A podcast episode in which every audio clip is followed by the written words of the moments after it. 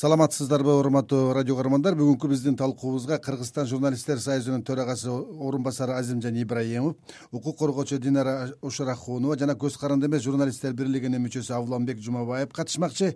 Менин биринчи суроом авланбек мырза сизден баштасам да мына бүгүн э, кечээ сиз мүчө болгон көз каранды эмес журналисттер союзунун э, демилгеси менен журналисттер бийлик өкүлдөрү жарандык коомдун мүчөлөрү чогулуп акыркы күндөгү медиа тармакта түзүлгөн бир э, кыйчалыш талкууладыңыздар да. Анда эмне сөз болду кандай жыйынтыктар болду кандай бир чечимдерге келе алдыңыздарбы? Ушул акыркы мезгилде өлкөдө болуп аткан ушу медиа мейкиндигинде болуп жаткан кырдаалды эске алып ушул көз карандысыз журналисттер союзунун демилгеси боюнча ошо биз медиа коомчулуктун ачык диалогун өткөздүк да ачык деп атаган себебибиз себеби ушул биздин диалогко мамлекеттик структуралардын өкүлдөрүн чакырганбыз бейөкмөт уюмдардын өкүлдөрүн чакырганбыз эл аралык уюмдардын медиа уюмдардын өкүлдөрүн чакырып ушул кырдаалды баарыбыз чогуу талкууга алып ошол э, азыркы кырдаалдан чыгуу э, бир аракеттерин жасаганбыз да. э, ошо эки күн мурун биз ушул иш чараны өткөрүү демилгесин көтөргөндөн кийин биз дароо эле ошо мамлекеттик структуралардын баарына кайрылганбыз. Алардын ичинен мына жогорку кеңешке Э, биз ошо чакырууларды жибергенбиз. Чакырууга чакыруу жибергендердин арасында ошо парламенттин спикери бар болчу фракциялардын жетекчилери бар болчу ошондой эле жогорку кеңештин басма сөз кызматынын жетекчиси бар болчу. Андан тышкары биз президенттин аппаратына дагы ушул чакырууларды жолдогонбуз э, аппарат жетекчисине э, президенттин кеңешчисине ошондой эле басма сөз президенттин басма сөз кызматынын жетекчисине андан тышкары өкмөткө да Э, э, ушул э, эми ошолордун өкүлдөрү келиштиби? Тилекке каршы баары келишкен жок. Биз катты баягы биринчи бизге жеткиликтүү болгон биринчи точкага чейин жеткиргенбиз. Жогорку кеңешке дагы президенттик аппаратка дагы өкмөткө дагы андан кийин дагы байланышып да сурап аттык. Каттар келдиби жеттиби алдыңарбы дегендей андан кийин мисалы өкмөттүн басма сөз кызматы премьер министр менен кошо түштүккө иш сапары менен кетип атыптыр ал кечирим сурап келе албайм деди. Э, президенттик аппараттан эч кандай жооп болгон жок. Э, жогорку кеңештин басма сөз демек анда сиздер болжолдогондой ошол медиа тармагы менен бийликтин ортосунда конструктивдүү диалог анда болгон жок десек болот аны такыр болгон жок деп айтсак болбойт. Анткени э, ошо жогорку кеңештин мисалы басма сөз кызматынын жетекчиси келип э, ал дагы өзүнүн э, баягы оюн айтып кетти. Ички иштер министрлигинин басма сөз кызматы келиптир бирок ал сөз сүйлөгөн жок. Бирок анын ошо келип ошол жерде олтуруп баягы талкууну угушу дагы мен ойлойм ал кишиге дагы кандайдыр бир таасир калтырат депчи. Бирок биз чакырган башка тараптар мисалы эл аралык уюмдун өкүлдөрү келишти. Жанагы жарандык коомдун э, өкүлдөрү келип дагы алар дагы абдан жигердүү катышып ошо э, талкууга э, кошо катышып беришти. Андан тышкары ошо медиа уюмдардын дагы өкүлдөрү келип баарыбыз тең ушу бир гана маселени ушу талкууладык ушу акыркы кырдаалды. Анда мен суроом динара айым сизге да могу кечээги жыйында бул бир журналист бир маселе койду да бул жарандык коомдун бейөкмөт уюмдардын алдына бир катуу сын айтты десем болот. Өткөн эки революциянын алдында э, кор пирамида жана бир башка маалымат каражаттарына да ушундай оор кырдаал түзүлүп калган учурда э, бейөкмөт уюмдар унчукпай койдуңар эле эми эле эмне үчүн бир кайсы бир тандалма маалымат каражаттары үчүн жаныңарды үрөп кыйкырып атасыңар. Силердин да мамилеңер туура эмес деди да.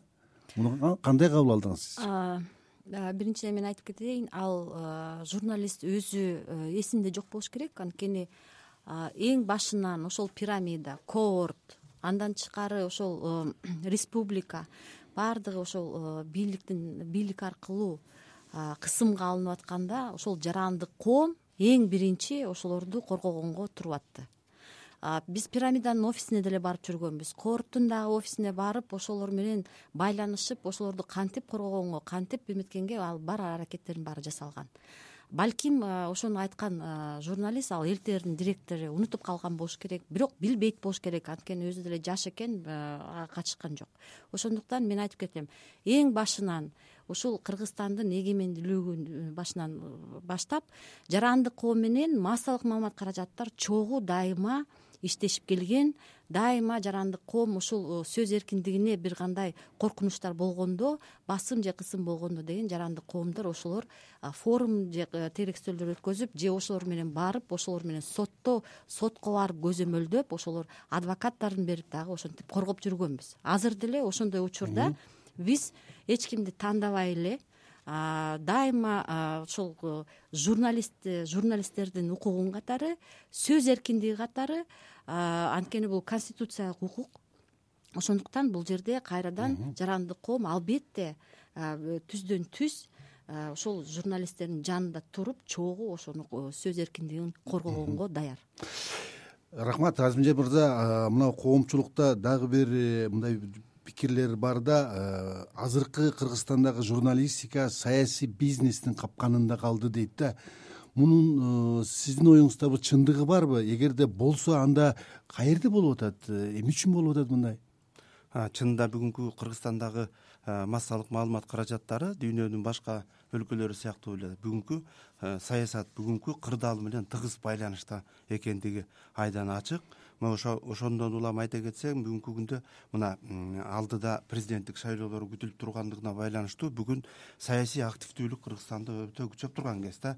Мына ошого байланыштуу жанагындай саясий окуялардын артынан улам бул массалык маалымат каражаттары дагы ушул саясатка тартылып же болбосо аларды тартып жаткан учурлар да албетте бүгүнкү күндө ушул рыноктун убагында маалымат дагы бул өзүнүн баасы бар продукция болуп саналат. Жана ал продукция конкуренцияга чыдамдуу жана сапаттуу болуш керек да. Мына ушул жагынан мен айтат элем да бүгүнкү күндө биздин журналистикада ушул жанагындай сапаттуу продукцияларды даярдоо. э, жанагындай бир жалган жалаалардан алыс болуу такталбаган фактыларды э, бербөө жагынан биз э, жаңылыштык кетирип аткан учурларыбыз жок эмес. Мына кечээ күнкү ушул мына сиздердин азаттык радиосунун дагы Э, ушундай бир ишке кабылып атканына мен абдан өкүнүчтүү билдирем.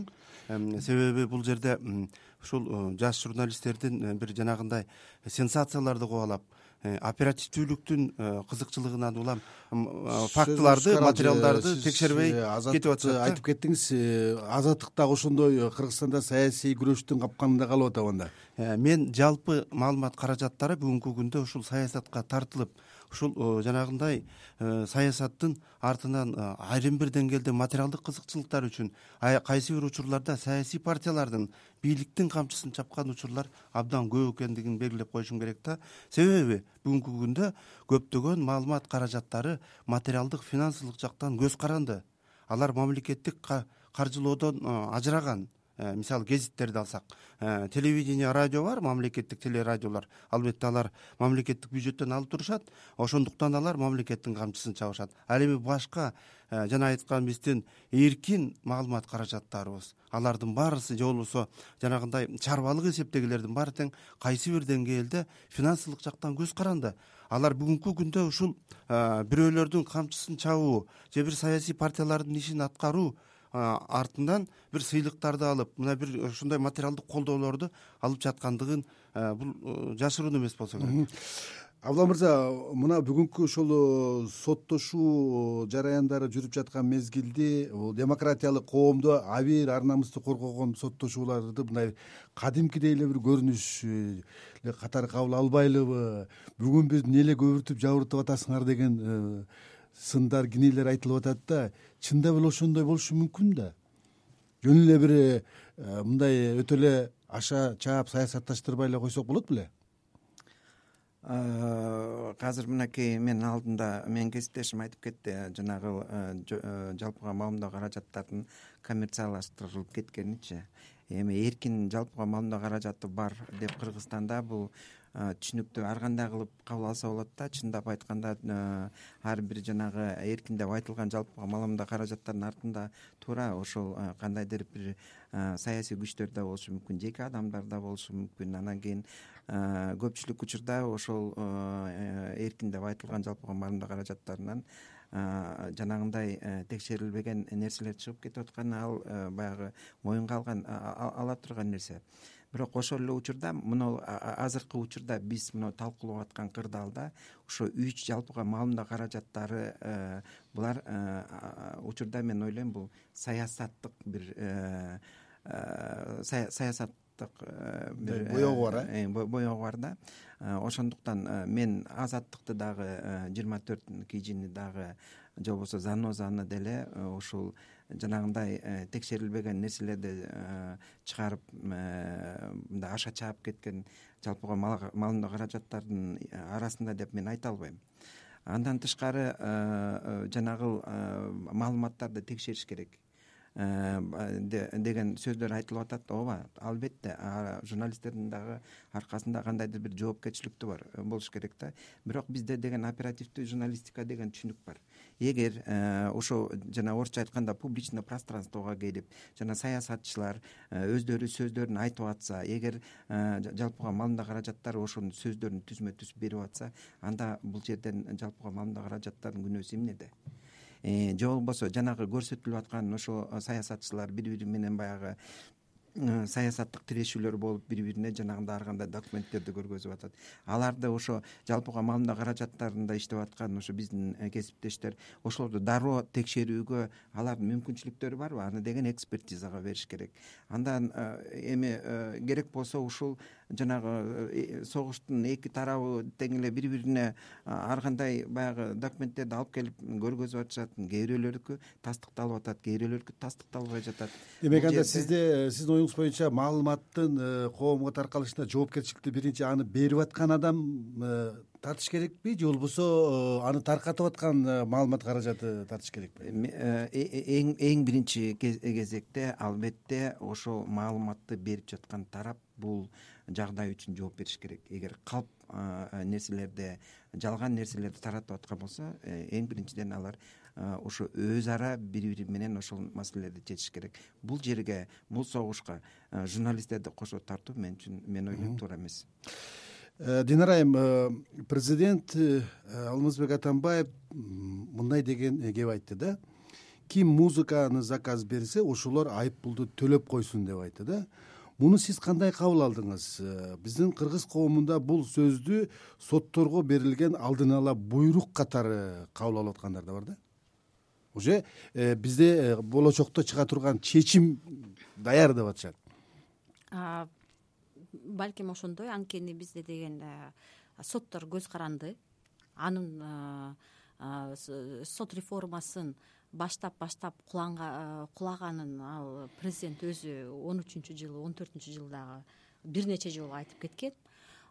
Соттор азыр баш баш ийип анан кийин албетте мамлекеттин өлкөнүн башчысы ошол соттордун сотко жанагы электен өткөзгөндөн ошонун бирөө болгонунан албетте алар деген э, кичине ошону эме коркутпосо дагы баягы тартынышат.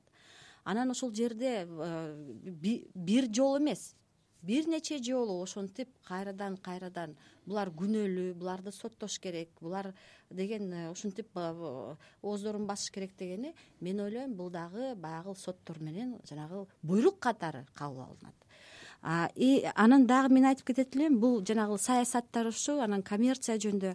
Албетте шайлоо убагында биз деле өзүбүз айтабыз көбүнчө массалык маалымат каражаттар ошол э, реклама катары саясий рекламаны э, пайдаланышып ошол өзүнүн баягы ставкаларын көбөйтүп ар кандай маалыматтарды бергенге э, бергенге чейин барышат. Бирок биз деген азыркы болуп аткан окуяларды жанагы саясий же коммерциялык кызыкчылык жөнүндө деген бир аралаштырбайлык. Азыр чынында эле коркунучтуу. Анткени бул биринчиден бул жөнөкөй жаран деген аларды соттогон жок. Сотко деген башкы прокуратура берип атат. Башкы прокуратура деген э, бийликти коргоп берип атат. Анан э, берип атканда дагы миллион он миллионго чейин барган ошол ошондой каражаттарды деген азыр алардан алганга деген даяр болуп атат. Бул жерде эң негизги коркунуч бул ошо атайын ошол массалык маалымат каражаттарды банкроттоштуруп аларды жабып алардын оозун бастыруу бул. Рахмат сөзүңүз оозуңуздан анда биз бүгүнкү күндүн негизги жаңылыктарын кыскача топтомдоруна орун берип алалы